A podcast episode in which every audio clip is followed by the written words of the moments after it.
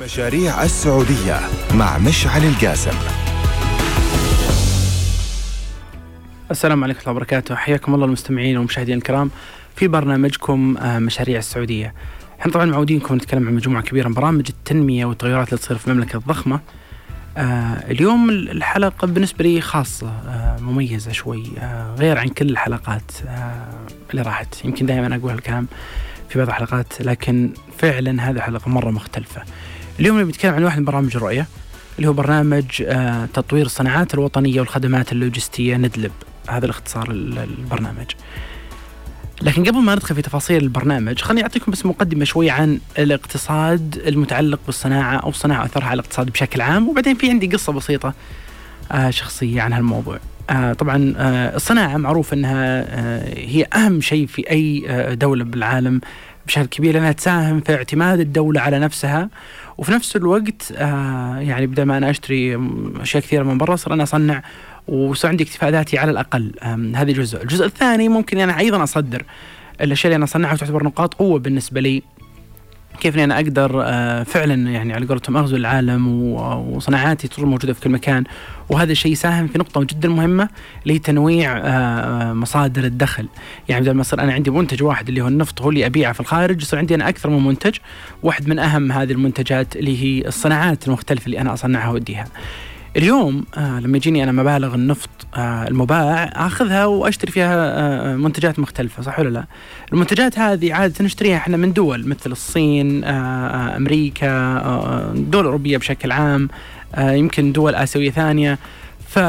فلما أشتريها الفلوس هذه اللي عندي أخذتها من النفط طلعت من الدولة وبالتالي صرت أحتاج أنا أبيع نفط زيادة عشان يجيني مبالغ آه إضافية. وهذا الشيء يعتبر مخاطرة. آه إذا أنا استمريت عليه من دون ما ألقى مصادر ثانية غير النفط أقدر أعتمد عليها وأزيد واعزز مصادر دخلي.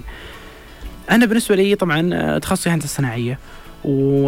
وأنا أتذكر آه هذا الكلام أول ما قررت اني أروح أدرس آه أول ما يعني قررت اني أدرس جامعة بشكل عام كنت أفكر بالتخصص وش ممكن يكون هذا التخصص اللي نوعا ما بيساهم في خلق شيء مختلف فكنت أفكر ذيك الأيام آه بكل القطاعات صراحة التنميه الاقتصادية فما جاء في بالي شيء مباشر له أثر على ثلاث شغلات يمكن، الشغلة الأولى على اقتصاد البلد بشكل مباشر على التقنيات آه وال وال والصناعات اللي تملكها الدولة فبالتالي ما تعتمد على الدول الثانية في في صناعتها.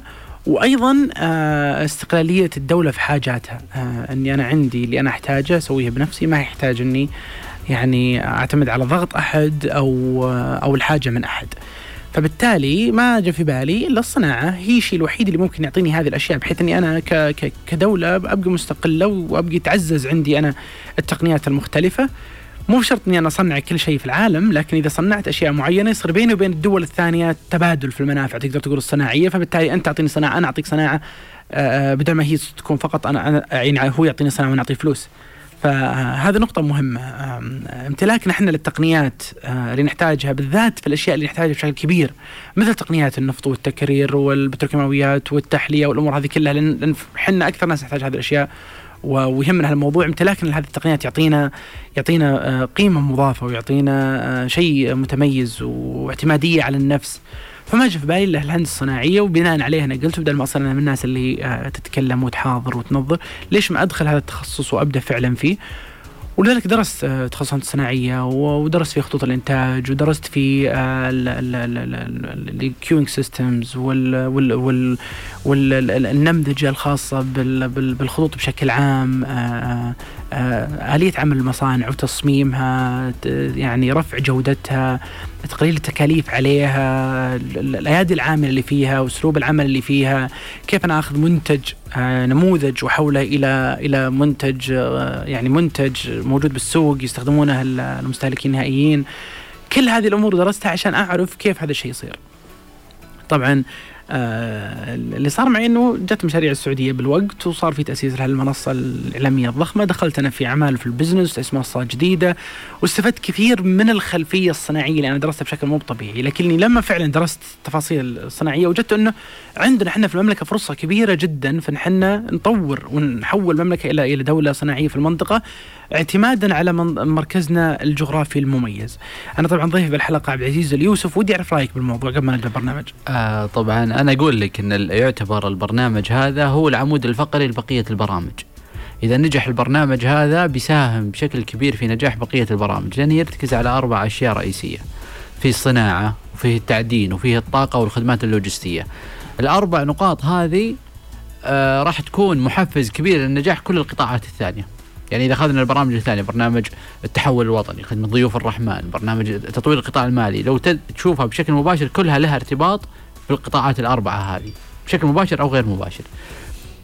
الأشياء اللي بتترتب على البرنامج هذا أشياء عملاقة.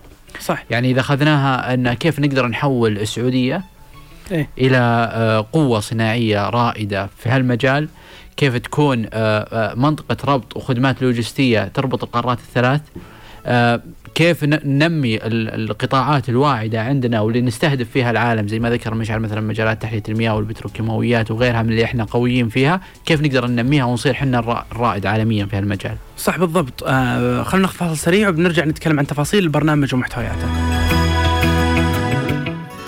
حياكم الله المستمعين والمشاهدين الكرام في برنامجكم مشاريع السعودية. اليوم خاصين هذه الحلقة بشكل كبير عن برنامج تطوير الصناعات الوطنية والخدمات اللوجستية. هالبرنامج المهم جدا في رؤية أمريكا 2030 آه وفعلا يعني هو كان السبب الرئيسي اللي هو الصناعة والخدمات اللوجستية. في اختياري أنا حتى للتخصصي اللي هو هندسة صناعية اللي بناء عليه فعلا إحنا بنشوف المملكة مختلفة آه، في المستقبل. اعتمادها على الصناعة بيكون مختلف. كيف إحنا نملك التقنيات ونملك العلوم ونملك هذه المصانع وخطوط الإنتاج.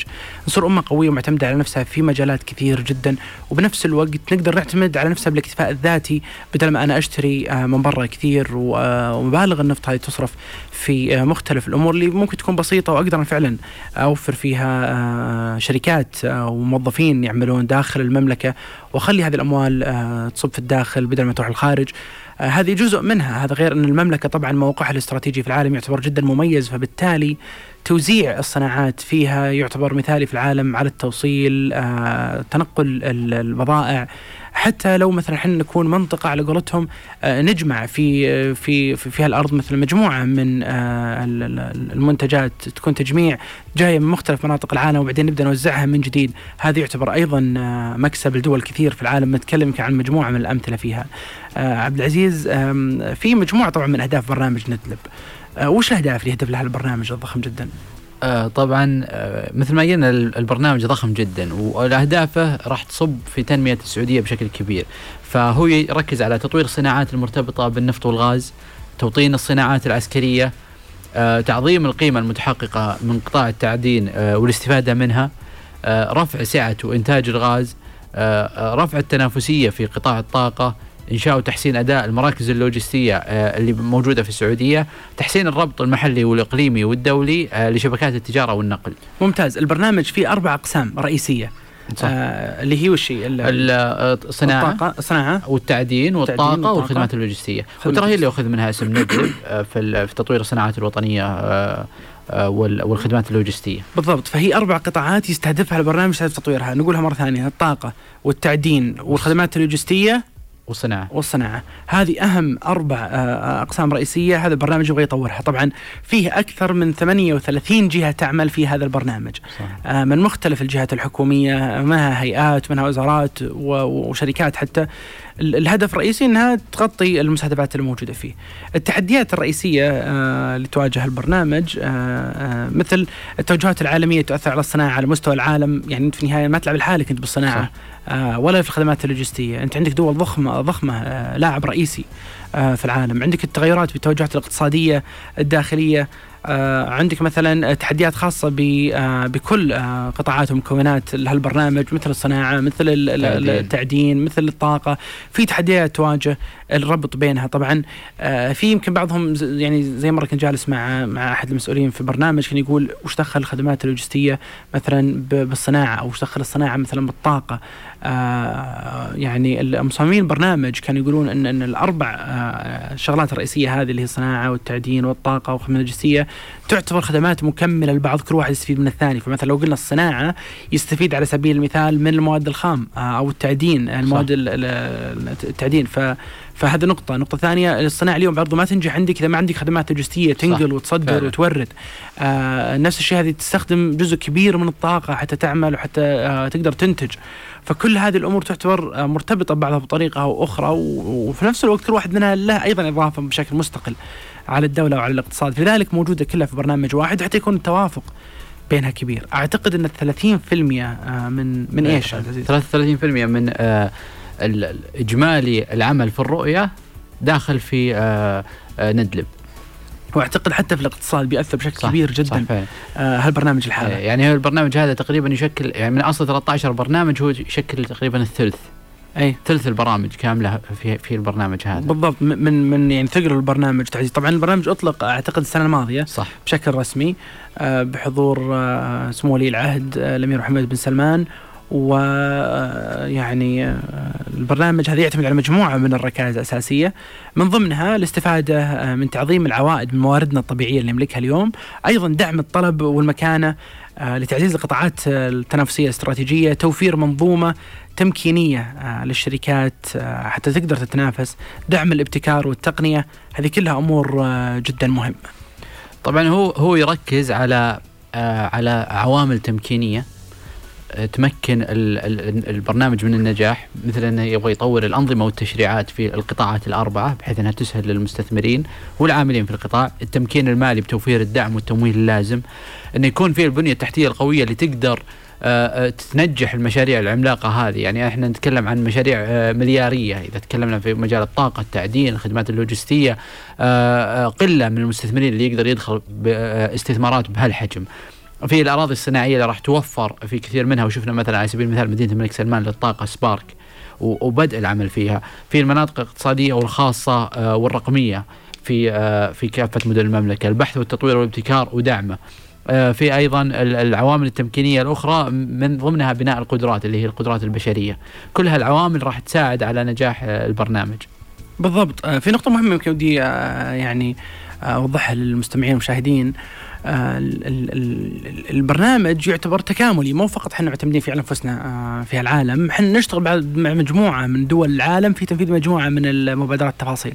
مثلا في الخدمات اللوجستية مثلا نعمل مع الصين ومع مجموعة من الدول الكبرى إنه كيف المملكة فعلا تستغل بحيث إنها آه، تنفذ هذه المشاريع هذه بكفاءة عالية. في مشاريع صناعية مشاريع مش- مشاريع صناعية بيننا وبين الصين آه، على أكثر من نطاق بعضها آه، داخلي وبعضها خارجي. بالضبط. آه، نقدر ناخذ بعض الأمثلة آه، الخاصة بهالمصانع. مثل إيش؟ آه، فيه مصنع مثلا بان آسيا في في جازان. بالضبط. آه هذا من المصانع اللي أعلنت في آه ضمن اتفاقية ندلب ويعتبر استثمار ضخم وداخل ضمن آه، يعني مشروع الصين العملاق اللي هو الطريق والحرير أو آه، الحزام حزام والطريق وطريق الحرير القديم لل- للصين. بالضبط. فهو تحالف سعودي صيني انشا مصنع بتركيماويات بقيمة 14 مليار ريال. هذا مشروع بناسيا المشروع آه، إيه، طبعا في منطقة تجارة آه، تفضيلية آه، للدول اللي تقع في شرق وجنوب قارة إفريقيا. آم، المواد الأولية يعني مختلفة فيها الغاز الطبيعي البارة في برضو زيلين من مصفاة آه، جازان. القطاعات المستهدفة عبوات البلاستيك الأواني المنزلية قمشة الفرشاة صناعة الحاويات. آه، فرش طلاء ال- ال- الأدوية الطبيعية أو الطبية عفوا آه، وغيرها الكثير. طبعا آه، واحدة من من من أهم الأمور ال- ال- ال- ال- اللي إحنا شفناها يمكن في الآونة الأخيرة اللي هي مدينة الملك أو عفوا مدينة جازان للصناعات الأساسية والتحويلية. كانت اسمها مدينة جازان الاقتصادية. إيه. بسبب وجود الرؤية اليوم وبرنامج صناعة الوطن الخدمات اللوجستية تغير شوي توجه هذه المدينة فبالتالي تغير اسمها من مدينة جازان الاقتصادية إلى جازان للصناعة الأساسية والتحويلية وبالتالي تغير تركيز المدينة. صح. هذا المشروع اللي قبل شوي قلناه واحد من مشاريع المدينة هذه. المدينة طبعا آه، أطلقت 2006 لكن آه، اليوم لها توجه جديد. الميزة التنافسية فيها أنها آه، قريبة من مطار الملك عبد الله الجديد اللي بيقام في جازان إن شاء الله. بيكون في إن شاء الله سكة حديد تربطها مع جدة آه، قريبا أيضا آه، فيها مصفات ضخمة جدا. الصناعات المستهدفة فيها هالمدينة هذه الضخمة توطين الصناعات الثقيلة وبتروكيماويات آه، توفير الإمدادات الحيوية للطاقة آه، توطين صناعة السفن آه، لاحظ صناعة سفن ال ال ال وهذا شيء جدا مهم. في في مشروع أطلق في رأس الخير مجمع الملك سلمان للصناعات البحرية. مم. وقع فيه مع عدة شركات من ضمنها هونداي وارامكو والبحري لإنشاء مجمعات لصناعة وصيانة السفن ومحركاتها وكل ما تحتاجه السفن. بدأ العمل فيه. آه نتوقع إن شاء الله في آه 2022 2023 راح نشوف أول سفينة صنعت في السعودية. وهذا شيء جميل وعلى فكرة ترى إحنا لما نقول إحنا صنعنا السفن بس ترى ما, ما نقول عشان نقول أوه ترى عندنا صناعة سعودية ترى إحنا صنعنا حق لنا نقول الكلام بس أنا مو بهذا هو السبب. السبب أكبر من كذا بكثير، اليوم في دول تست يعني تستفيد من المملكة بموقعها الجغرافي فبالتالي إحنا مضطرين إن إحنا نبني هذه السفن، مضطرين إحنا نجمع مجموعة من الصناعات اللي برا حتى نوزعها للعالم. أضف اضف, أضف إن في احتياج داخلي لنا بدل ما نستوردها من الخارج ليش ما نصنعها داخل؟ بالضبط بس خليني بعطيك مثال يوضح الفكرة اللي عندي على هذه الجزئية. اليوم مثلا آه تخيل الآن عندي أنا منتج تصنع في الصين. مستحيل يكون في مثلا آه باخره كاملة كلها 100% من الصين آه أو سيارة 100% من الصين إلا ما يكون في قطع منها جاب من برا من أماكن مختلفة في العالم فشو اللي تسوي الصين على سبيل المثال ممكن تقول أنا بصنع مجموعة من القطع كلها اللي أنا أصنعها بالصين زين القطع الثانية بدل ما تجيني من دولها وتوصل للصين وبعدين أصنعها يعني أو أجمعها كامل بالصين بعدين أبدأ أوديها للعالم مرة ثانية لا خلينا نسوي شيء ثاني. كل اللي أنا أصنعه في الصين باخذه أوديه للسعودية. باقي القطع خلها تيجي من كل مكان للسعودية لأن السعودية أقرب لهم. وبعدين تجمع في السعودية وبعدين تنشر مرة ثانية في العالم. فالموضوع استراتيجي أكثر من أن إحنا نبي ندخل في هالمعترك بس لأننا نبي ندخل. لا إنه في فعلا منفعة بالعالم، آه الصين تبي تستنفع، الدول الصناعية الأخرى تبي تستنفع، وجود السعودية طبعا بموقعها المميز هذا بقربها من أغلب أماكن العالم أيضا يعتبر شيء مميز. اليوم مثلا آه في مشروع قريب جدا بيطلق آه بين الرياض وجدة آه اللي قطارات للركاب والبضائع. الفكرة من هذا المشروع إنه بيربط آه، فعليا الشرق بالغرب في المملكة بحيث إني أنا أجيب مثلا الصناعات أو المعدات أو المنتجات ايا كانت من الساحل الخليج العربي وأقدر أوديها البحر الأحمر وبالتالي تروح لأوروبا من خلال آه، سكة قطارات هذه المخصصة للبضائع. هذا المشروع آه، أعتقد يقام بالتحالف بين الصين والسعودية. أيضا شركة صينية شركة صينية الآن هي ماسكة موضوع الدراسة الاستشارية ودراسة الجدوى ووقعوا اتفاقية أيضا مع شركة صينية للإنشاء. وأتوقع وقعوا الاتفاقية في نفس يوم في اي الإعلان عن برنامج صناعة الطاقه المجلسية. فبالتالي في عمل كبير جدا على مستوى المملكة اليوم. ما هو نعمل فيه لحالنا؟ نعمل فيه إحنا ومجموعة من الدول اللي فعلا تبي تستفيد من هذا التحول عندنا في المملكة. بمعنى أن عملائنا جاهزين. الناس اللي يبون يشترون مننا يبون يستغلون آه هذه التحولات جاهزين. يعني اليوم نقول خلاص الأبواب مفتوحة التعاون اللي إحنا بنسوي مع الدول صارت اللغة حقتها مختلفة عن السابق فبالتالي أنا بشتغل معهم عليه. آه في أيضا عندنا هنا آه مثلا نأخذ مثال على مجمع آه مجمع البلاست كيم آه إذا تقدر تعطينا إيه، الموجود آه مجمع بلاست كيم طبعا موجود في آه صدارة البتروكيماويات في عدة مصانع آه، ضخمة. طبعا عشان نعطي نبذة عن صدارة صدارة هو واحد من أكبر مجمعات البتروكيماويات في العالم أنشئ من آه، آه، أرامكو بتحالف مع شركة عالمية. استثماراته تقدر ب 20 مليار دولار. فيه مجمعات أكثر من 20 مصنع 14 منها تقريبا أول مرة تدخل الشرق الأوسط. آه، طبعا المجمع بلاسكيم يركز على المنظفات المنزلية مواد البناء الشامبو مواد التجميل النسائية التغليف الدهانات كل هذه بتصير تصنع بشكل داخلي وتصدر للخارج. آه، بدل ما كنا نبيع النفط كخام صرنا نحول المنتجات نهائية نقدر نرفع التكلفة النهائية على العميل. بدل ما كنا نبيع آه، كمنتج خام تكلفته 60 50 دولار حسب تذبذبات سوق النفط إلى منتج نهائي آه، بتكلفة أعلى وحققت أنت أقصى استفادة ممكنة آه، من النفط الموجود عندك. بالضبط آه، فيه تصنيف للبيئة الصناعية العالمية كان فيها تغيرات كبيرة جدا من عام 90 إلى عام 2015. في عام 90 مثلا كانت اليابان الأولى، أمريكا الثانية، بعدين ألمانيا، إيطاليا. لما نجي مثلا العام 2015 نلقى الصين الأولى. في عام 2000 في عام يعني 1990 كانت الصين أعتقد في المركز العاشر أو شيء. الحين هي في المركز الأول. صارت أمريكا المركز الثاني اليابان المركز الثالث. ففي اختلافات صراحة. البرازيل برضو في المركز الخامس في 2015 الهند في المركز السابع. ففي دول يمكن إحنا ما نعتقد إن لها علاقة بال بال بالصناعة لكنها في البيئه الصناعيه تعتبر آه، في آه، في في مكان جدا متقدم. اليوم وين دور المملكة في هذا الشيء؟ وين تبي يكون مركزها؟ خصوصا على اقتصادنا الضخم جدا وعلى قوتنا في المنطقة العربية والإسلامية، يعني اليوم إحنا كمركز آه، يعني جغرافي مميز أهميتنا الجغرافية وأهميتنا السياسية وأهميتنا الإسلامية أيضا مرة مهمة. كيف أنا أقدر استغل هذا واحولها إلى قوة اقتصادية ضخمة؟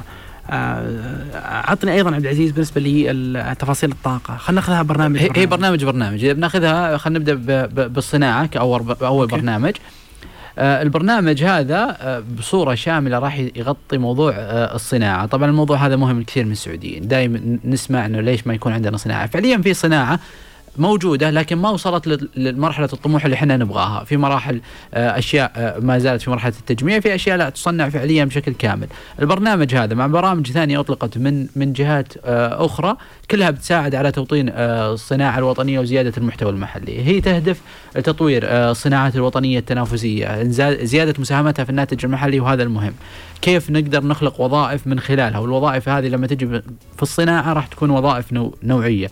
من ضمنها صناعة السيارات، الصناعات الدوائية، اللوازم الطبية وغيرها، يعني على سبيل المثال صناعة السيارات لها برنامج مخصص لتوطين صناعة السيارات، طبعا صناعه السيارات هي مو مجرد صناعة بسيطة، أنت لازم توفر كل الخدمات المرتبطة بصناعة السيارات آه، من المادة الخام إلى اكتمال السيارة، إذا قدرت توفرها بشكل كامل وهو اللي صار عن طريق المشاريع هذه أنت بعدها تقدر توطن الصناعة، في توطين الصناعات العسكرية وشفنا إطلاق شركة قابضة للصناعات العسكرية استحوذت على عدة شركات ووقعت كثير من الاتفاقيات العالمية. البدء توطين الصناعات العسكرية ورفعها من 2% إلى 50% شفنا أيضا توسيع نطاق الصناعات المرتبطة بالنفط والغاز وشفنا مؤخرا الإعلان عن اتفاقيات داخلية وخارجية وإنشاء آه، مصافئ عملاقة استحواذ أرامكو السابق عشان يكونون كلهم في نفس المجال آه، في في آه، مجال البتروكيماويات والنفط. ممتاز. في تطوير الصناعات الغذائية زيادة نسبة المحتوى المحلي في القطاع الصناعي والاستزراع المائي.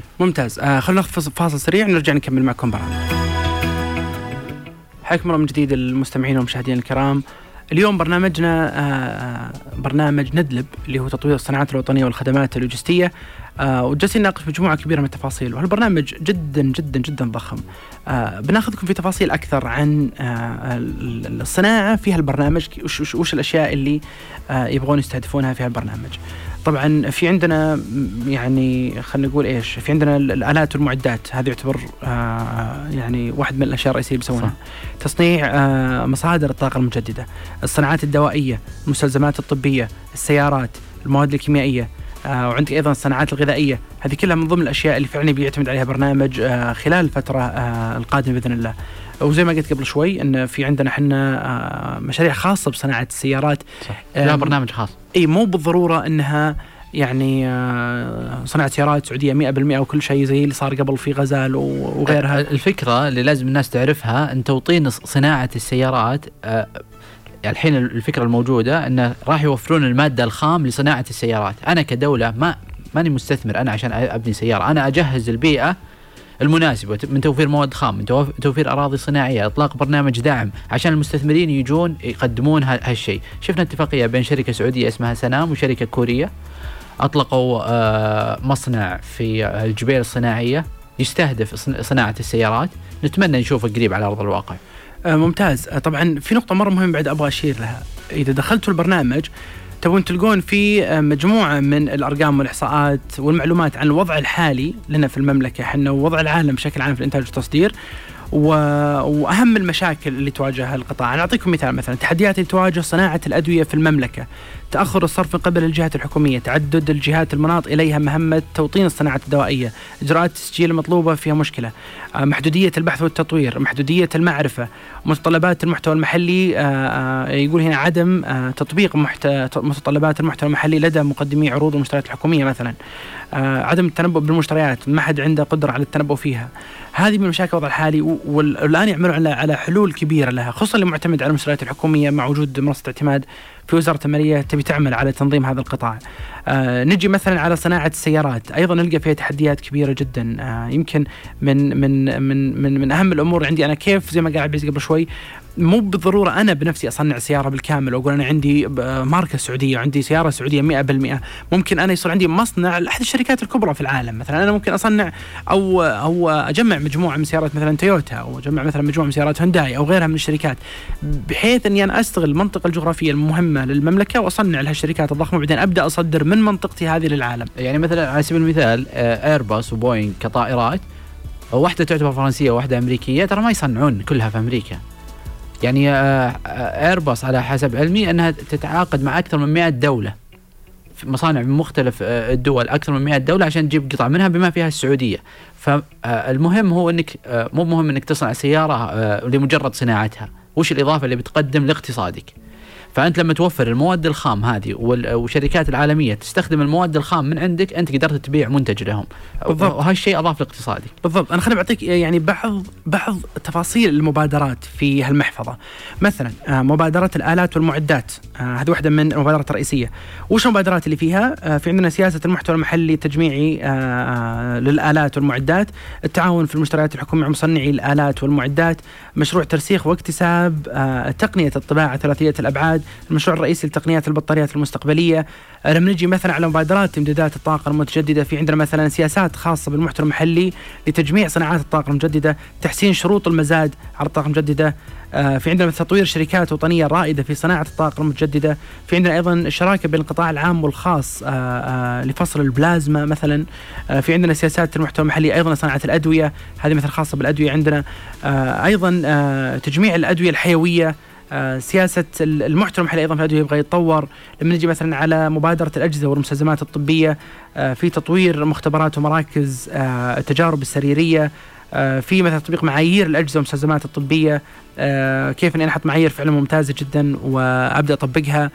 بالنسبة لمبادرات السيارات على سبيل المثال في عندنا برنامج تطوير السيارات آه، زي ما قال عبد العزيز قبل شوي هذا يعتبر برنامج آه، كامل منفصل آه، عندنا البرنامج ال ال ال الوطني لتطوير التجمعات الصناعية هو الجهة المسؤولة عنه برنامج السيارات الأثر المتوقع المساهمة في زيادة الناتج المحلي الإجمالي المباشر والإضافي بالإضافة إلى توليد فرص عمل مباشرة وغير مباشرة.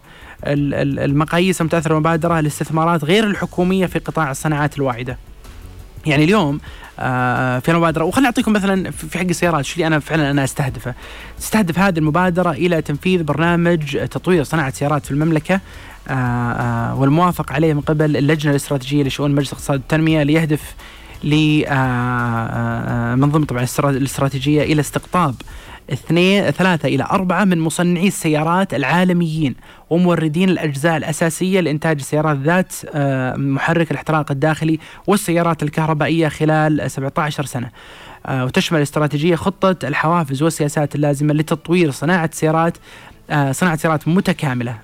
يعني يعني معنى هالكلام إنه فعلا إحنا بنشوف مجموعة من صناعة السيارات العالميين في المملكة من ثلاثة إلى أربعة وصناعة سيارات تكامليه مع قطع الغيار وغيرها اللي تكون موجودة في المملكة وهذا شيء فعلا يعطيك ليش البرنامج هذا فيه حتى خدمات لوجستية مو فقط صناعية. هو أنت لو تشوف مثلا ناخذ أمريكا على سبيل المثال آه عدد عدد الولايات اللي فيها صناعة سيارات حقيقية آه عدد قليل ليش؟ لأنها شركات السيارات تروح للولاية اللي فيها تكامل الخدمات اللي أو الخدمات اللوجستية الكاملة أو المواد الخام المتوافرة بكثرة عشان أنا ما أضطر يكون علي تكلفة إضافية في النقل اللوجستي. بالضبط. فوجودها في مكان واحد بيسهل. بالضبط، في مبادرات المرتبطه بالنفط والغاز، في مثلا عندنا إحنا برنامج المحتوى المحلي للبتروكيماويات، كيف أنا أقدر أعتمد عليه بشكل كبير جدا. أرامكو على سبيل المثال في بالنسبة للغاز أو بالنسبة للنفط بتعتمد الآن إلى 70% من التقنيات والمنتجات اللي اللي تاخذها وتعتمد عليها في في شغلها بتكون محلية 70% منها كانت نسبة أعتقد 20 أو 30% تبي ترفعها نسبة 70% آه، من خلال برنامج اسمه اكتفاء. التخلص آه، الأمثل للمواد الخام آه، التخصيص عفوا الأمثل للمواد الخام. في عندنا مثلا برنامج الاستراتيجية الوطنية للزيت السائل وبرنامج الاستثمار. في البنية التحتية للبتروكيماويات المتخصصة اللي هي المناطق الصناعية كيف أنا ممكن اطورها واعززها طبعا الجهات اللي اللي موجودة كبيرة جدا مثل وزارة الصناعة والطاقة مثل البرنامج الوطني للتجمعات الصناعية مثل الهيئه الملكية للجبيل وينبع. آه هذه مثلا مجموعة من من هذه الجهات، لما نجي أيضا للصناعات الغذائية آه بيكون في تجمع مدن للصناعات الغذائية آه بالكامل مسؤول عن الهيئة السعودية للمدن الصناعية مناطق التقنية. طبعا هذا بيعزز مصادرات السعودية آه، المواد الغذائية آه، بيكون من ضمن التفاصيل حقت هالمبادره تأسيس مجمعات غذائية تربط آه، مصانع الأغذية بالقطاعات الأخرى المساندة مثل الزراعة آه، آه، والتغليف وغيرها توفير بنية تحتية ومرافق عامة مشتركة للمصانع هذا أيضا مرة مهمة يعني يعني شفت أنتم هذه مجموعه المبادرات الخاصة بالصناعة. خلينا ناخذ فاصل سريع ثم نرجع مرة ثانية بنتكلم عن الثلاث قطاعات الأخرى اللي هي الطاقة، التعدين والخدمات اللوجستيه. حياكم الله من جديد المستمعين والمشاهدين الكرام في برنامجكم مشاريع السعودية. قبل شوي نتكلم عن الصناعة آه وبرنامج تطوير الصناعة الوطنية. آه، قبل شوي قال عبد العزيز أيضا عن آه، شركة صناعات الوطنية سامي صناعة العسكرية سامي الخاصة بالصناعات العسكرية. بتصير هذه الشركة مسؤولة عن الصناعات العسكرية داخل المملكة وهي شركة حكومية مملوكة للدولة 100% في الآونة الأخيرة اشترت مجموعة من الشركات من ضمنها الكترونات المتقدمه وغيرها وتعمل على تطوير الصناعة داخل المملكة بشكل عام الهدف عندنا في السعودية إحنا نرفع التصنيع العسكري محليا من 2% في 2016 إلى 50% 2030 آه طبعا لما إحنا نملك التقنيات العسكرية هذه بيساعدنا بشكل كبير جدا وبيزيد الوظائف عندنا وأيضا يخلينا نملك جزء كبير من هذه التقنيات المهمة آه في القطاع العسكري. طيب بالنسبة لقطاع الطاقة عبد العزيز. آه طبعا قطاع الطاقة واحد من القطاعات المهمة مرة في على مستوى السعودية يطمح إنه يعزز مساهمة الطاقة المتجددة في آه، مزيج الطاقة من خلال إنشاء مشاريع جديدة وزيادة التنافسية في قطاع الطاقة من خلال برنامج كفاءة الطاقة اللي شفنا كثير من مبادراته مؤخرا آه، إعادة هيكلة القطاع حوكمته خلق وظائف فرص عمل. حلو. طب دقيقة خلينا بس ندخل على طول في المبادرات لأن تعتبر مبادرات شيء جدا مهم. أنا بقول مجموعة منها وتكملها معي عبد العزيز. في محفظة مبادرات في الطاقة إعادة النظر في هيكلة السوق. هذه واحدة من الأمور الرئيسية. إقرار برنامج الكفاءة في إعادة توليد الطاقة وأصول التحويل والتوزيع. في مثلا عندنا تأهيل رأس المال البشري اللازم لقطاع الطاقة الذرية والمتجددة وهذا جدا مهم لأن ما عندنا صراحة كفاءات كبيرة جدا في هالموضوع. آه، طبعا بشكل عام آه، الكفاءات البشرية صح. ضعيفة في أغلب القطاعات لكن في بالك قطاع متخصص مثل هذا صح. آه، أيضا في عندنا توطين تقنيات الطاقة المجددة اللازمة للمملكة لدعم قطاعات الطاقة وتحلية المياه إنه كيف أنا أقدر فعلا أخليها محلية ونملكها إحنا بالمملكة المركز الوطني لبيانات الطاقة المجددة أيضا واحد من المبادرات في عندنا إقرار وتنفيذ بنود نظام المتاجره في المنتجات البترولية وش بعد عبد العزيز؟ فيها آه، آه، إطلاق شركة ضوئيات لممارسة نشاط الألياف الضوئية، الربط الكهربائي مع عدد من الدول من ضمنها جمهورية مصر، تقييم مصادر الطاقة البديلة والمتجددة، زيادة الموثوقية في الشركة الوطنية للكهرباء بناء وتطوير الكفاءات والممكنات التحويلية. آه، إطلاق مبادرة خادم الحرمين الشريفين للطاقة المتجددة في المملكة واللي شفنا عدة آه، مشاريع منها. آه، أجهزة التكييف عالية الكفاءة هذه ضمن المبادرات اللي أطلقت مؤخرا. تقليل الانبعاثات من استخدام الوقود زيادة, زيادة حجم إمدادات الغاز وتوسعة شبكات التوزيع. عندك برنامج القدرة التنافسية لإصلاح أسعار الطاقة. في مثلا آه، برنامج القدرة التنافسية لإصلاح آه، أسعار الطاقة. ممتاز وطيب خلينا نشوف قطاع التعدين. آه هذا الحين قطاع الطاقة ويعتبر إيه طبعا في تفاصيل ومبادرات جدا مهمة طبعا قطاع التعدين. قطاع التعدين يعتبر القطاع الثالث في السعودية بعد النفط والبتروكيماويات أسس شركة عملاقة له اللي هي شركة معادن. السعودية تستهدف آه، آه، نموه بشكل كبير وأطلقت عدة مبادرات من من ضمنها مثلا رصد متابعة المخاطر الجيولوجية والمساهمة في الحد من آثارها إنشاء مركز لتطوير السبائك المعدنية إنشاء معهد لتصميم السيراميك.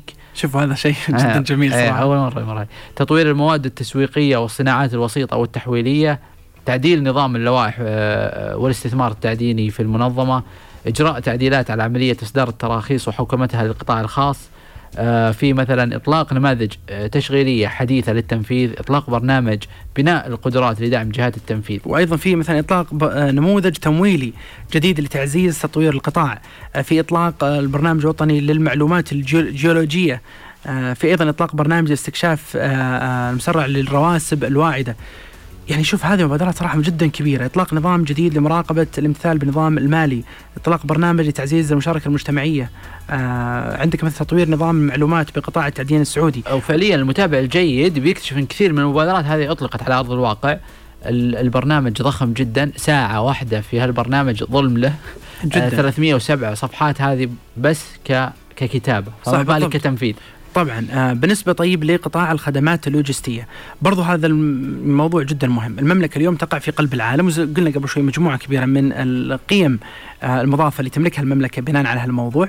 في مجموعة من المبادرات آه في هالبرنامج. آه من أهمها دراسة الجدوى والنموذج الاقتصادي لمشروع قطار الجسر البري اللي ذكرها مشعل قبل شوي اللي يربط بين الرياض وجدة بما ويربط أيضا بالشرقية. إعداد استراتيجية متكاملة قطاع النقل والهيكل الحاكم له. دعم تنفيذ مبادرات استراتيجية النقل الوطنية تحسين عملية الاستيراد والتصدير آه، هيكلة وإصلاح السكك الحديدية آه، في أيضا الإصلاح التنظيمي لمنظومة الموانئ السعودية ومؤسستها آه، تحرير قطاع خدمات الشحن الجوي آه، الأرضية زيادة طاقتها الاستيعابية في أيضا تحسين التشريعات المتعلقة بالخدمات اللوجستية آه، تطوير التواصل مع القطاع الخاص داخليا وخارجيا داخل خارج المملكة عفوا تطوير رأس المال البشري في مجال الخدمات اللوجستية.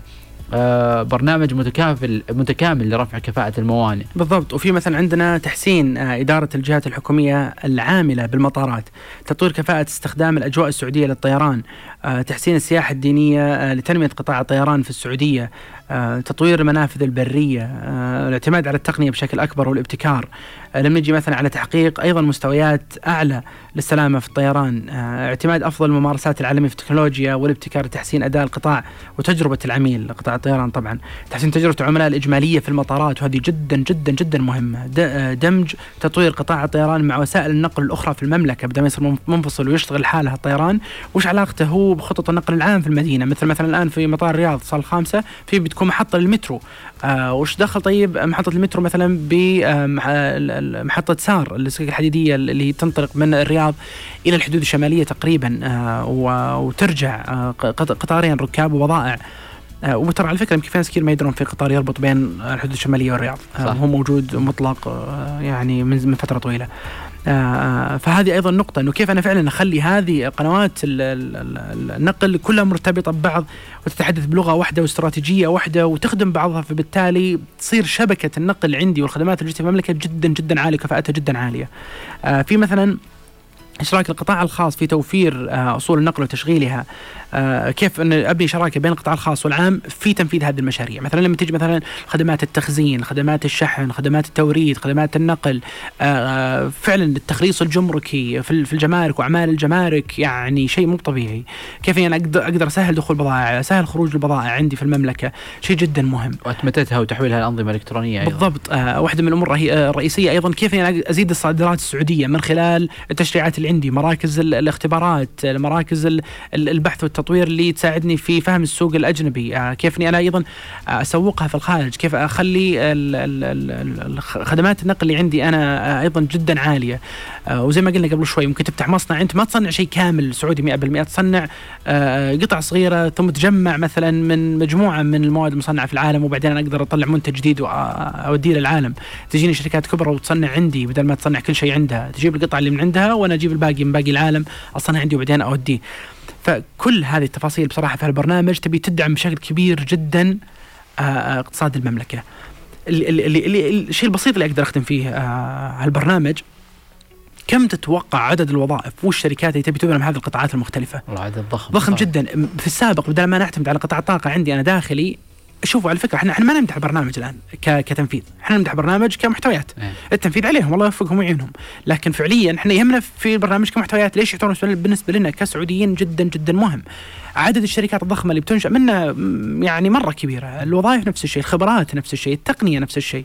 فإحنا بنملك فيه جزء كبير جدا ونبي نستغل فيه مكاننا، نبي نستغل فيه المواد الخام اللي عندنا ونفطنا بحيث إحنا نصدر للعالم أشياء جديدة، آه نقول للعالم تعال صنع عندنا، تعال آه جمع عندنا، تعال استغل الموارد اللي عندنا حتى نقدر إحنا نطلع بشيء جديد. آه ونوظف الناس اللي موجودين في السعودية ونملك مجموعة من التقنيات هذه، فهو يعتبر جزء من قصة نجاح عالمية.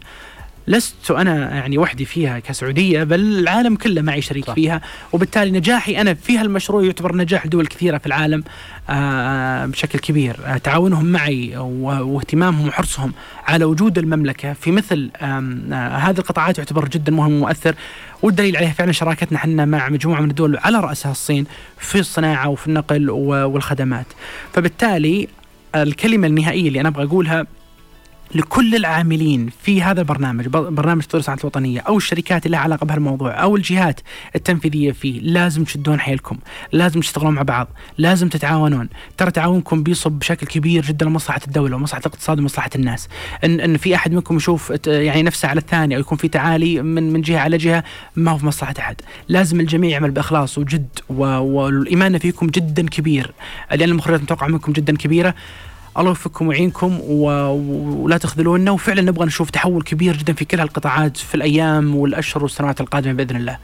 شكرا لكم متابعين مشاريع السعودية نشوفكم في الحلقة القادمة بإذن الله. مشاريع السعودية